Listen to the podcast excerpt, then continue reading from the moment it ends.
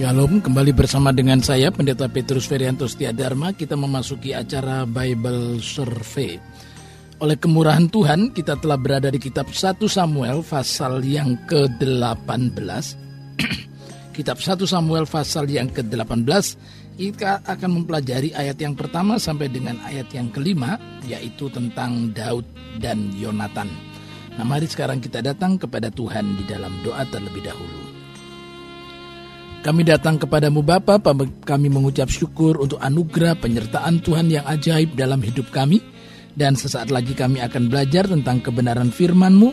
Biarlah kiranya Engkau menolong baik hamba yang menyampaikan maupun kami segenap mendengar. Sehingga kami dapat memperoleh berkat rohani yang luar biasa dari kebenaran firman yang kekal ini. Di dalam nama Tuhan Yesus Kristus kami serahkan acara Bible Survey ini. Haleluya. Amin. Bukalah Alkitab Saudara dalam kitab 1 Samuel pasal yang ke-18 Saya akan membacakan ayat 1 sampai dengan ayat yang kelima. Kemudian kita akan mendengarkan sebuah kidung pujian. 1 Samuel 18 ayat 1 sampai 5 Ketika Daud habis berbicara dengan Saul Berpadulah jiwa Yonatan dengan jiwa Daud dan Yonatan mengasihi dia seperti jiwanya sendiri. Pada hari itu Saul membawa dia dan tidak membiarkannya pulang ke rumah ayahnya. Yonatan mengikat perjanjian dengan Daud karena ia mengasihi dia seperti dirinya sendiri.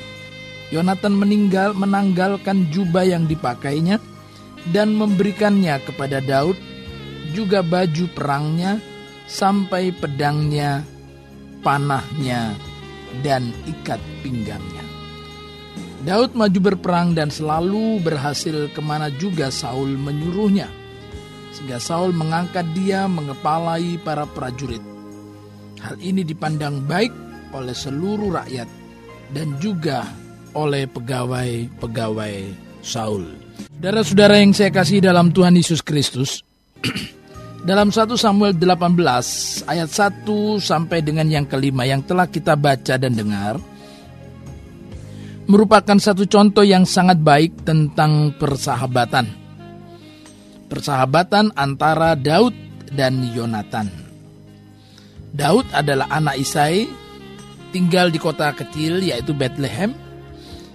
Sedangkan Yonatan adalah anak raja, dia seorang bangsawan dia anak daripada Saul yang tinggalnya di istana, sementara Daud adalah anak rakyat jelata.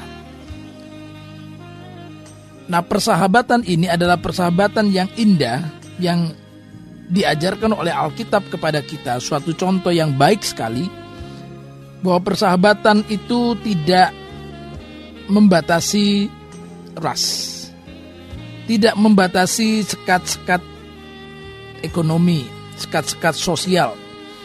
Persahabatan tidak dibatasi oleh warna kulit. Persahabatan tidak dibatasi juga oleh agama kepercayaan. Nah, saudara-saudara persahabatan antara Daud dan Yonatan memiliki beberapa keunikan dan kita akan melihat keunikan-keunikan ini supaya kita juga dapat menjalin persahabatan yang baik dengan sesama kita di mana kita hidup pada zaman sekarang ini. Saya melihat setidaknya ada empat hal yang indah sekali dalam persahabatan Daud dan Yonatan ini. Yang pertama saudara-saudara persahabatan itu berarti perpaduan jiwa. Apa arti daripada perpaduan jiwa? Artinya adalah bahwa karakter dan pendapat dari masing-masing pihak yang bersahabat bisa berbeda, tetapi dapat dipadukan dengan saling menerima dan menghormati, dan tidak memaksakan kehendak sendiri. Berpadulah jiwa Yonatan dengan jiwa Daud. Berpadu itu bukan berarti bersama, ber, bukan berarti sama. Sebagaimana paduan suara kita mengenal ada suara satu, suara dua, suara tiga, suara empat. Suara-suara itu bisa berbeda nadanya, tetapi dapat berpadu terjalin suatu keharmonisan in harmony harmonis. Nah itu sebenarnya yang digambarkan oleh Alkitab dengan persahabatan ini. Jadi kalau A bersahabat dengan B dalam hal ini Yonatan bersahabat dengan Daud Yonatan adalah Yonatan Daud adalah Daud Temperamen mereka berdua berbeda. Kepribadian mereka berdua berbeda. Karakter mereka berdua berbeda. Dan mungkin terhadap satu hal atau beberapa hal pendapat di antara mereka berdua juga berbeda. Tetapi perbedaan itu tidak menyebabkan keduanya berbenturan, justru perbedaan itu membuat keduanya terpadu satu dengan yang lain. Nah, sudah-sudah jika kita menyadari hal ini, itu berarti bahwa perbedaan itu dihargai. Perbedaan itu merupakan suatu hal yang dihormati, saling menerima, saling menghormati. Persahabatan masih ada bagian-bagian yang disebut dengan privasi, bagian-bagian pribadi yang tidak dapat diintervensi oleh pihak yang lain. Nah, jika kita mengerti hal ini, maka persahabatan itu akan menjadi persahabatan yang langgeng, persahabatan yang awet, persahabatan yang tahan lama. Mengapa? Karena saling menerima satu dengan yang lain, adanya perbedaan di antara mereka satu dengan yang lain, saling menghormati dan tidak memaksakan kehendak sendiri. Nah, di dalam surat Rasul Paulus kepada jemaat di Filipi, ada prinsip-prinsip yang senada dengan ini. Mari kita lihat Filipi pasal yang kedua. Filipi pasal yang kedua ayat yang pertama sampai dengan ayat yang keempat. Jadi karena dalam Kristus ada nasihat, ada penghiburan kasih, ada persekutuan roh, ada kasih mesra dan belas kasihan, karena itu sempurnakanlah sukacitaku dengan ini, hendaklah kamu sehati sepikir dalam satu kasih satu jiwa satu tujuan dengan tidak mencari kepentingan sendiri atau puji-pujian yang sia-sia.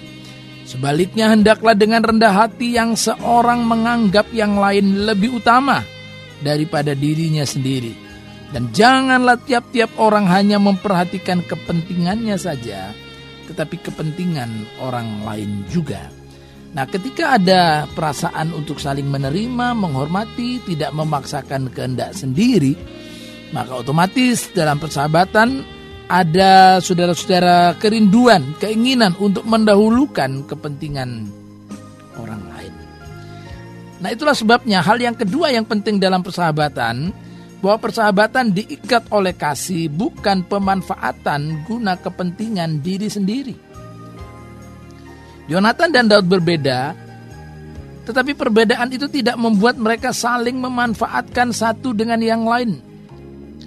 Misalnya dari sisi Daud, dia anak seorang rakyat jelata, ketika dia bersahabat dengan Yonatan tidak serta-merta lalu dia memperkaya dirinya sendiri dekat dengan anak bangsawan, anak raja, dekat dengan istana, tidak menjadikan Daud kemudian memanfaatkan keberadaan Yonatan. Untuk kemudian dia mengambil segala sesuatu bagi kepentingan dirinya. Berbeda saudara-saudara dengan mungkin ketika kita mendengar ada orang sederhana yang bersahabat dengan mungkin anak orang kaya, kemudian memanfaatkan keberadaan daripada si orang kaya itu. Dia merasa mendapatkan hak istimewa sehingga kemudian saudara-saudara tidak lagi diikat oleh kasih, tetapi kemudian pemanfaatan guna kepentingan diri sendiri. Nah, akhirnya persahabatan yang sedemikian akan menjadi persahabatan yang tidak didasari oleh kasih, tetapi didasari oleh keuntungan diri sendiri. Dikatakan dalam ayat 1 tadi 1 Samuel 18 ayat 1 Yonatan mengasihi dia seperti jiwanya sendiri. Dari sisi Daud tidak memanfaatkan harta benda, kekayaan atau posisi yang ada pada Yonatan, tetapi sebaliknya Yonatan juga tidak memanfaatkan apa yang ada pada Daud, misalnya tentang keberaniannya. Daud perang berperang saudara-saudara dengan keberaniannya sendiri, tetapi kemudian Yonatan juga berperang dengan keberaniannya sendiri. Dan kalau kita melihat di situ berarti apa? Berarti masing-masing bisa punya eh, keberanian, masing-masing bisa menginspirasi, mendorong, memotivasi, tetapi bukan justru memanfaatkan. Persahabatan adalah saudara-saudara kesempatan kita mendorong sahabat kita.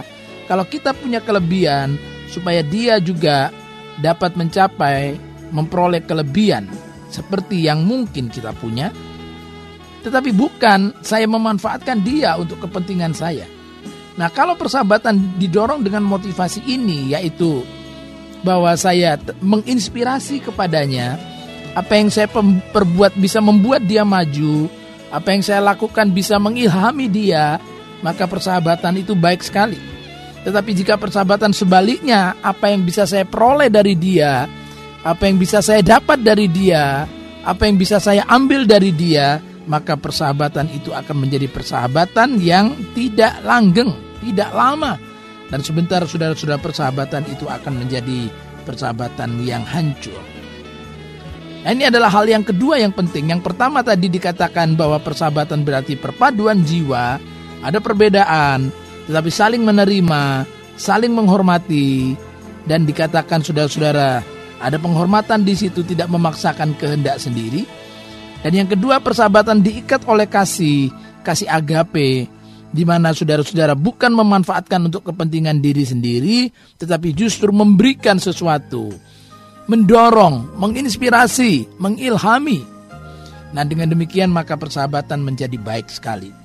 Nah, sebelum kita lanjutkan dengan hal yang ketiga mengenai persahabatan, dan sekarang yang ketiga melalui 1 Samuel 18 ayat 1 sampai 5 persahabatan Daud dan Yonatan, hal yang ketiga yang indah adalah bahwa kasih dalam persahabatan adalah kasih yang memberi.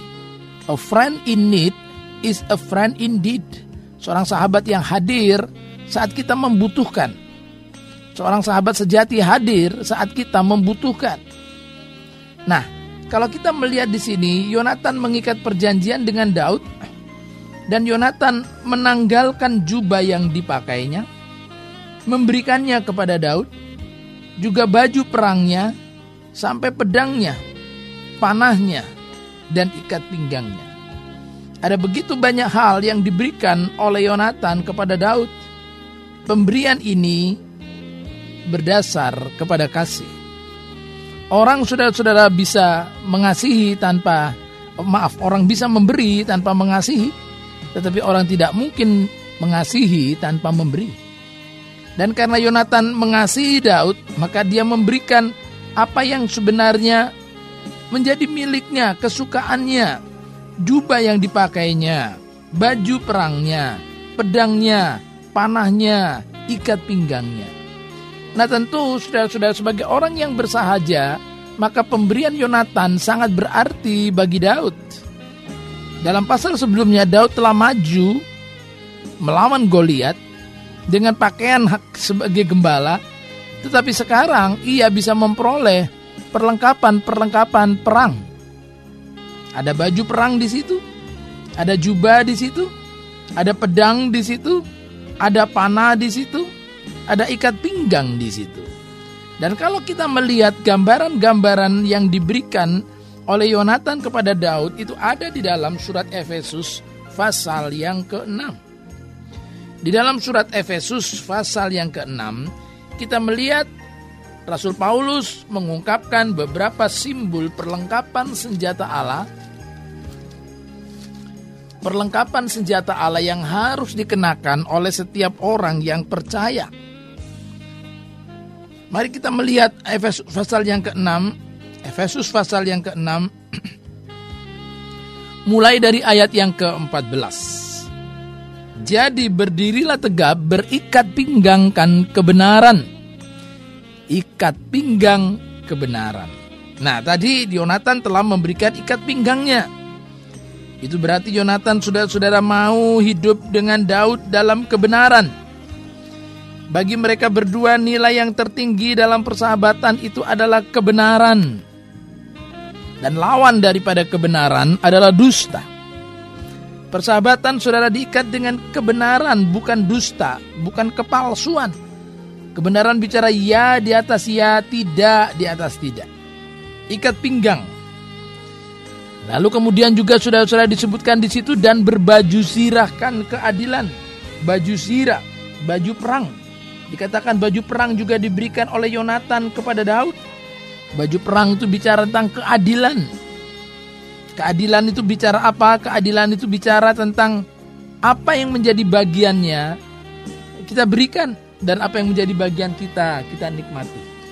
Keadilan itu berarti ada penempatan yang bijaksana antara hak dan kewajiban. Apa yang menjadi hak, apa yang menjadi kewajiban itu sudah sudah ditempatkan secara benar. Lalu dikatakan juga disebutkan di situ memberikan kepada Daud pedangnya. Pedang berbicara di sini dalam ayat yang ke-16 dalam segala keadaan pergunakanlah perisai iman sebab dengan perisai itu kamu akan dapat memadamkan semua panah api dari si jahat dan terimalah ketopong keselamatan dan pedang roh yaitu firman Allah. Pedang Yonatan memberikan pedang, yaitu firman Allah. Nah, apakah dalam persahabatan kita, kalau kita mengatakan saya punya sahabat, apakah kita memberikan kepada sahabat kita itu pedang, yaitu firman Allah? Apa yang kita bagikan? Kalau saya mengatakan engkau adalah sahabatku, seharusnya saya ingin supaya dia bertumbuh di dalam imannya, bertumbuh dalam kerohaniannya, bertumbuh dalam hubungan dia dengan Kristus. Persahabatan berarti bukan saya justru membagikan hal-hal yang kotor, hal-hal yang akan meracuninya, hal-hal yang akan merusak pikirannya, hal-hal yang akan menajiskan hidupnya, hal-hal yang akan menjauhkannya daripada Tuhan. Tetapi justru karena dia adalah sahabat kita, maka kita akan memberikan firman Tuhan yang adalah pedang supaya dia dapat melawan melawan segala godaan-godaan kuasa kegelapan. Nah sahabat sudah menginginkan bahwa orang itu bertumbuh di dalam iman. Itu berarti ketika dia sedang membutuhkan makanan rohani, maka kita dapat memberikannya. Daud memperoleh hal-hal ini daripada Jonathan. Nah demikianlah hendaknya kita juga memberikan kepada sahabat kita hal-hal yang berharga. Seringkali kita hanya memberikan hal-hal yang berharga cuma dari sisi jasmani. Padahal saudara ada kebutuhan-kebutuhan jiwani, ada juga kebutuhan-kebutuhan rohani. Nah, apakah kita sudah memberikan selain jasmani juga jiwani dan rohani kepada sahabat-sahabat kita? Nah, perhatikan bagaimana Yesus Kristus sendiri juga bicara tentang persahabatan ini. Yesus Kristus sudah-sudah berbicara tentang persahabatan. Ia berkata bahwa kita adalah sahabatnya. Mari sekarang kita lihat Yohanes pasal yang ke-15 Yohanes pasal yang ke-15 kita akan membaca ayat yang ke-11 sampai dengan ayat 17. Yohanes pasal 15 ayat 11 sampai 17. Semuanya itu kukatakan kepadamu supaya sukacitaku ada di dalam kamu dan sukacitamu menjadi penuh. Inilah perintahku, yaitu supaya kamu saling mengasihi seperti aku telah mengasihi kamu. Tidak ada kasih yang lebih besar daripada kasih seorang yang memberikan nyawanya untuk sahabat-sahabatnya. Kamu adalah sahabatku. Jikalau kamu berbuat apa yang kuperintahkan kepadamu, aku tidak menyebut kamu lagi hamba, sebab hamba tidak tahu apa yang diperbuat oleh tuannya, tetapi aku menyebut kamu sahabat, karena aku telah memberitahukan kepada kamu segala sesuatu yang telah kudengar dari Bapakku. Bukan kamu yang memilih aku, tetapi akulah yang memilih kamu. Dan aku telah menetapkan kamu, supaya kamu pergi dan menghasilkan buah, dan buahmu itu tetap. Supaya apa yang kamu minta kepada Bapa dalam namaku, diberikannya kepadamu. Inilah perintahku kepadamu, kasihilah seorang akan yang lain. Nah saudara-saudara yang saya kasih dalam Tuhan Yesus Kristus, pemberian yang terbesar atas dasar kasih kepada sahabat dikatakan oleh Tuhan Yesus dalam ayat yang ke-13 dari Yohanes 4 eh, Yohanes 15 ini tidak ada kasih yang lebih besar daripada kasih seorang yang memberikan nyawanya untuk sahabat-sahabatnya.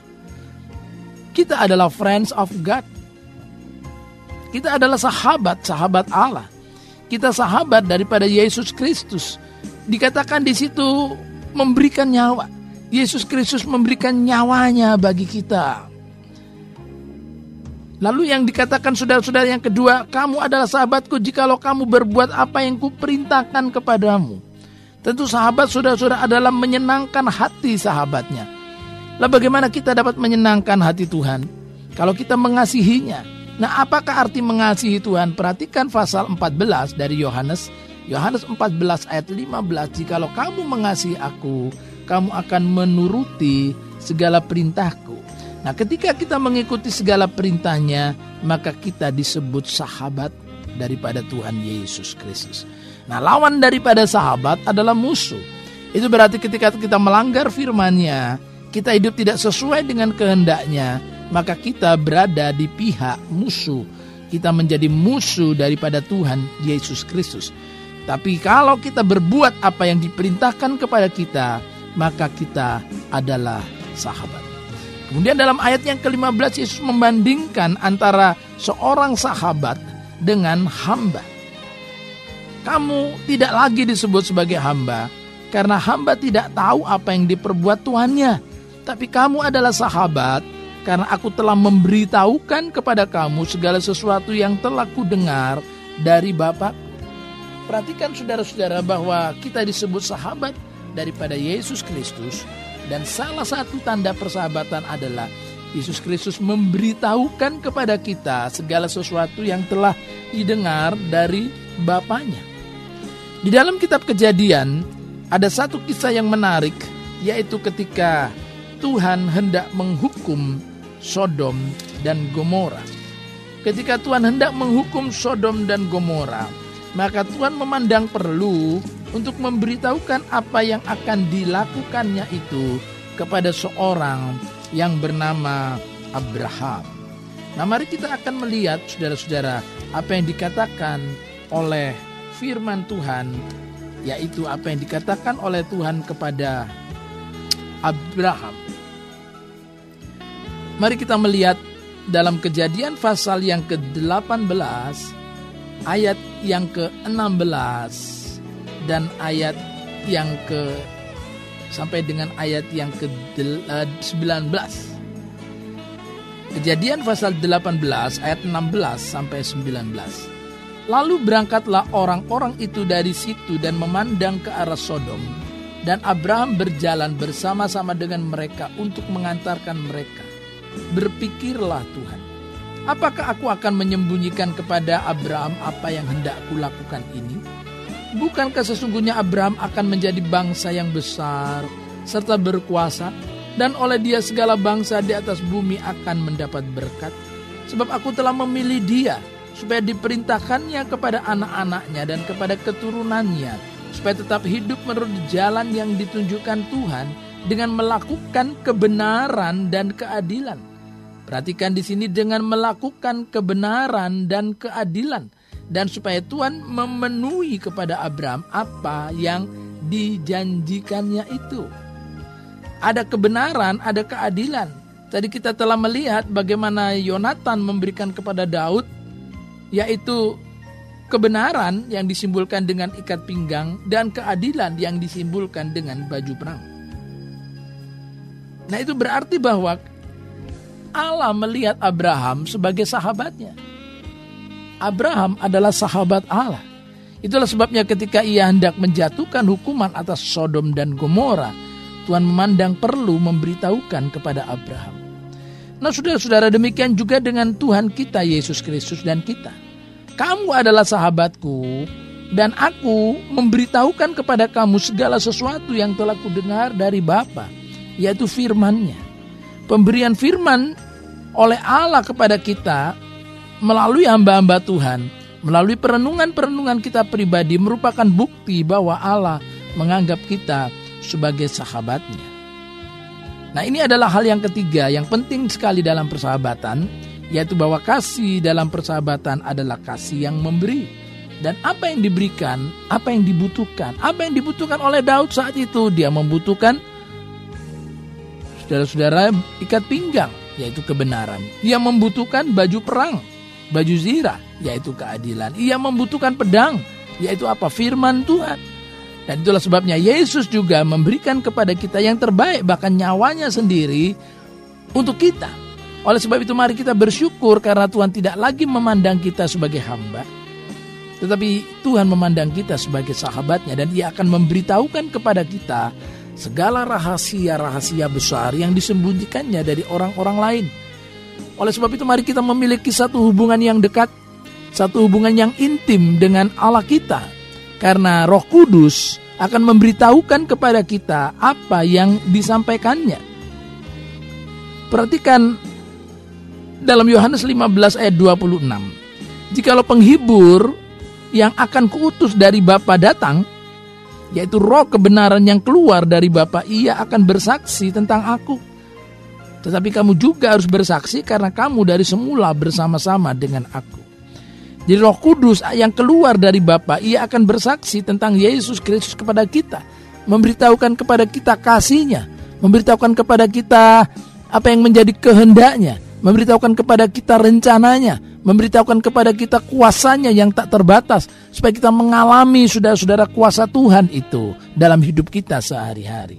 Jadi, sebagaimana gambaran Yonatan dan Daud adalah persahabatan yang baik, demikian juga persahabatan antara Yesus Kristus dan kita. Kita disebut sahabat-sahabatnya. Saudara-saudara yang saya kasihi di dalam Tuhan Yesus Kristus, kita telah belajar tentang tiga hal penting dalam persahabatan yang dapat dilihat dalam persahabatan antara Daud dan Yonatan dalam 1 Samuel 18 ayat 1 sampai 5. Persahabatan itu berarti perpaduan jiwa. Yang kedua, persahabatan itu diikat oleh kasih dan tidak saling memanfaatkan satu terhadap yang lain tetapi justru saling memberikan inspirasi, pengilhaman, mendorong satu dengan yang lain. Dan yang ketiga, kasih dalam persahabatan adalah kasih yang memberi, memberi apa yang menjadi kebutuhannya, kebenaran, keadilan, bahkan firman Tuhan dan memberikan nyawa bagi orang yang kita kasihi. Dan yang terakhir adalah bahwa persahabatan tidak mengurangi prestasi dan pencapaian pribadi. Jika saudara berkata saya bersahabat dengan seseorang tetapi kemudian saudara mencegah dari dia mencapai prestasinya, misalnya saja saudara sedang bersahabat dengan seseorang, lalu ia berkata, "Saya sedang mengerjakan sebuah tugas." Tugas apa? Tugas kuliah. Lalu saudara sebagai sahabatnya berkata, "Oleh jangan ya, aku ke sini kan pingin ngajak kamu main. Aku ke sini kan pingin ngajak kamu ngobrol. Aku ke sini kan akan kita akan akan meluangkan waktu bersama karena kamu sahabatku." Lalu sahabatnya berkata, "Oh ya, saya tapi mendapat tugas dari guru atau dari dosen atau saya harus ber, bertugas dalam dalam dalam grup eh, study group ya kelompok-kelompok belajar. Saya ingin menyelesaikan tugas-tugas itu lalu kita mencegahnya dari dia mencapai cita-citanya, maka itu bukan sahabat. Sahabat justru sudah sudah mulai menyingkirkan kehendaknya sendiri dan ia mendorong sahabatnya untuk mencapai prestasi-prestasinya. Perhatikan dalam 1 Samuel 18 tadi ayat yang kelima. Daud maju berperang dan selalu berhasil ke mana juga Saul menyuruhnya. Sehingga Saul mengangkat dia mengepalai para prajurit. Hal ini dipandang baik oleh seluruh rakyat dan juga oleh pegawai-pegawai Saul. Yonatan bersahabat dengan Daud, tetapi ketika Daud tidak mencapai prestasi dalam keberadaannya sebagai orang-orang yang warrior, sebagai uh, apa pejuang sejati, maka Yonatan tidak menghambat Daud. Persahabatan yang baik adalah persahabatan yang tidak mengurangi prestasi dan pencapaian pribadi. Jadi sebaliknya kalau kita punya sahabat saudara-saudara yang mau menghambat kemajuan kita, maka tinggalkanlah orang itu. Karena sahabat persahabatan sejati selalu ingin mendorong orang lain itu mencapai puncak keberhasilannya memaksimalkan potensinya yang Tuhan berikan kepadanya dan dia akan mendorong, dia akan memberikan fasilitas, dia akan saudara-saudara memberikan banyak dukungan sport supaya sahabatnya mencapai yang terbaik dalam hidupnya. Oleh sebab itu kita harus hati-hati apabila ada orang berkata aku sahabatmu tetapi selalu membuat kita tidak bisa mencapai prestasi yang baik dalam hidup ini. Dia menjadikan kita sahabat dengan memanfaatkan kita. Hanya sekedar mengajak kita bicara, sekedar mengajak kita bincang-bincang sesuatu yang tidak perlu, sementara ada tugas-tugas besar yang harus kita laksanakan. Yang lain lagi mungkin saudara adalah seorang karyawan, sudah bekerja di sebuah perusahaan di mana dituntut selalu di situ prestasi-prestasi kerja yang baik, lalu semalam-malaman saudara diajak untuk mendampingi sahabat saudara, ayolah kamu sahabatku, ya ayo kita melek-lekan, ayo kita sekarang begadang, Ayo sekarang kita melakukan hobi-hobi kita bersama. Maaf mungkin nonton bola. Sementara dia mungkin tidak bekerja atau pekerjaannya tidak menuntut konsentrasi tinggi seperti perusahaan di mana saudara bekerja. Sehingga pagi harinya ketika sudah di kantor, kemudian saudara tidak dapat berprestasi dengan baik dalam pekerjaan, lalu sudah mendapat teguran dari pimpinan saudara, lalu saudara lari lagi kepada sahabat saudara, dia berkata, jangan susah, ya bos biasa begitu marah-marah, ya mari kita sekarang bersenang-senang, kita minum minuman keras, mari kita mendekati banyak perempuan-perempuan, lupakanlah masalah di pekerjaanmu. Bukannya dia saudara menyadari bahwa dirinya adalah penyebab dari segala masalah yang di, dihadapi oleh sahabatnya, malah dia semakin membawa sahabatnya itu menyeretnya ke dalam kehidupan yang lebih rusak lagi. Itu bukan sahabat. Itu berarti Tuhan mengendaki supaya kita benar-benar menseleksi orang-orang mana yang dapat menjadi sahabat kita. Dan jangan sekedar kita ingin mempunyai banyak sahabat, tetapi justru mereka tidak mendorong kita untuk mencapai maksimal, memaksimalkan potensi yang Tuhan berikan kepada kita. Yesus tidak demikian. Yesus menganggap kita sahabatnya dan bahkan ketika Yesus berkata kepada sahabat-sahabatnya, kepada murid-muridnya, ia berkata bahwa kamu akan dapat melakukan banyak hal. Aku meninggalkan kamu, tapi kamu akan melakukan hal-hal yang telah kuperbuat, bahkan lebih daripada itu. Yesus yang melihat murid-muridnya sebagai sahabatnya, mendorongnya supaya murid-muridnya melakukan seperti apa yang ia lakukan. Bahkan Yesus Kristus senang apabila murid-muridnya melakukan hal-hal yang lebih besar daripadanya. Ia tidak mengkendala, ia tidak menghambat, ia tidak merintangi para muridnya yang hendak mencapai prestasi memaksimalkan potensi yang Bapa berikan kepada mereka.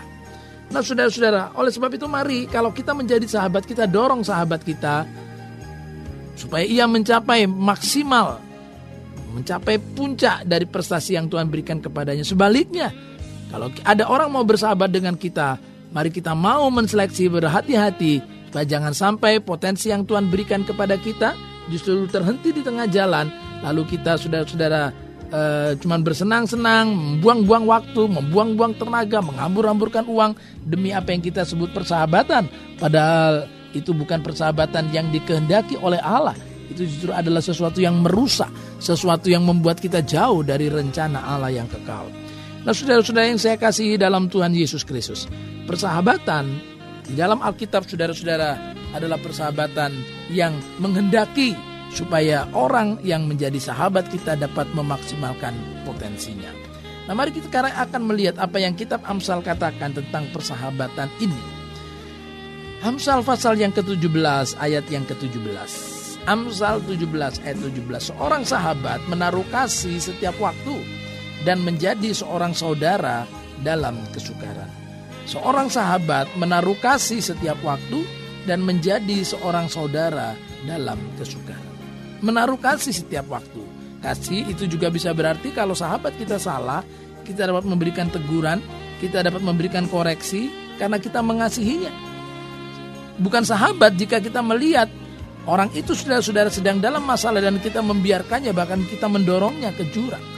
Kita tidak pernah menegurnya, kita tidak pernah mengoreksinya ketika dia berbuat salah itu bukan sahabat. Sahabat adalah menaruh kasih dan kasih itu bisa berarti teguran, kasih bisa berarti koreksi, tapi tujuannya adalah supaya orang itu menjadi baik. Pada mulanya bisa disalah mengerti, pada mulanya mungkin kita dijauhi, tapi kemudian dia akan sadar berterima kasih kepada kita dan melihat kita adalah sahabat yang sejati, menjadi seorang saudara dalam kesukaran. Nah, lihat saudara-saudara, ketika saudara punya banyak uang, banyak orang dekat pada saudara dan mengaku sebagai sahabat. Tapi bagaimana ketika saudara dalam kesukaran? Apakah ia ada di situ? Bagaimana saudara-saudara dengan kisah anak bungsu yang pergi meninggalkan ayahnya membawa sejumlah harta yang diwarisinya dari orang tuanya dia pergi berfoya-foya dengan sahabatnya tetapi ketika uangnya telah menjadi habis tak seorang pun mau bersahabat dengan dia Itulah persahabatan jenis dunia ini. Persahabatan dunia ini adalah persahabatan di mana ada uang di situ abang sayang, tapi tidak ada uang abang ditendang. Tapi persahabatan yang berbasis pada Alkitab, berbasis kepada kepada iman kekristenan adalah persahabatan yang ada uang sayang, tidak ada uang pun tetap sayang. Saudara-saudara, artinya justru di dalam kesukaran kita menjadi saudara baginya. Nah, biarlah kiranya beberapa prinsip tentang persahabatan menolong kita kita berhati-hati dalam bersahabat dan manfaat dan e, mintalah pertolongan Tuhan, hikmat Tuhan supaya dalam persahabatan itu saudara dapat saling menolong satu dengan yang lain, menguatkan satu dengan yang lain dan bertumbuh bersama-sama bisa berbeda pendapat, bisa berbeda karakter, bisa berbeda temperamen, bisa berbeda kepribadian, tapi dapat dipadukan untuk dapat mencapai sesuatu yang baik bagi kemuliaan nama Tuhan. Amin. Mari kita berdoa. Terima kasih Bapak kami bersyukur oleh karena kami telah belajar tentang prinsip persahabatan melalui contoh dalam Alkitab yaitu persahabatan antara Daud dan Yonatan dan melihat bagaimana Kristus juga telah memilih kami sebagai sahabat. Oleh sebab itu ajar kami untuk dapat selalu menaati apa yang kau katakan karena kami sahabatmu dan kami menyenangkan hatimu. Di dalam nama Tuhan Yesus Kristus kami berdoa. Amin.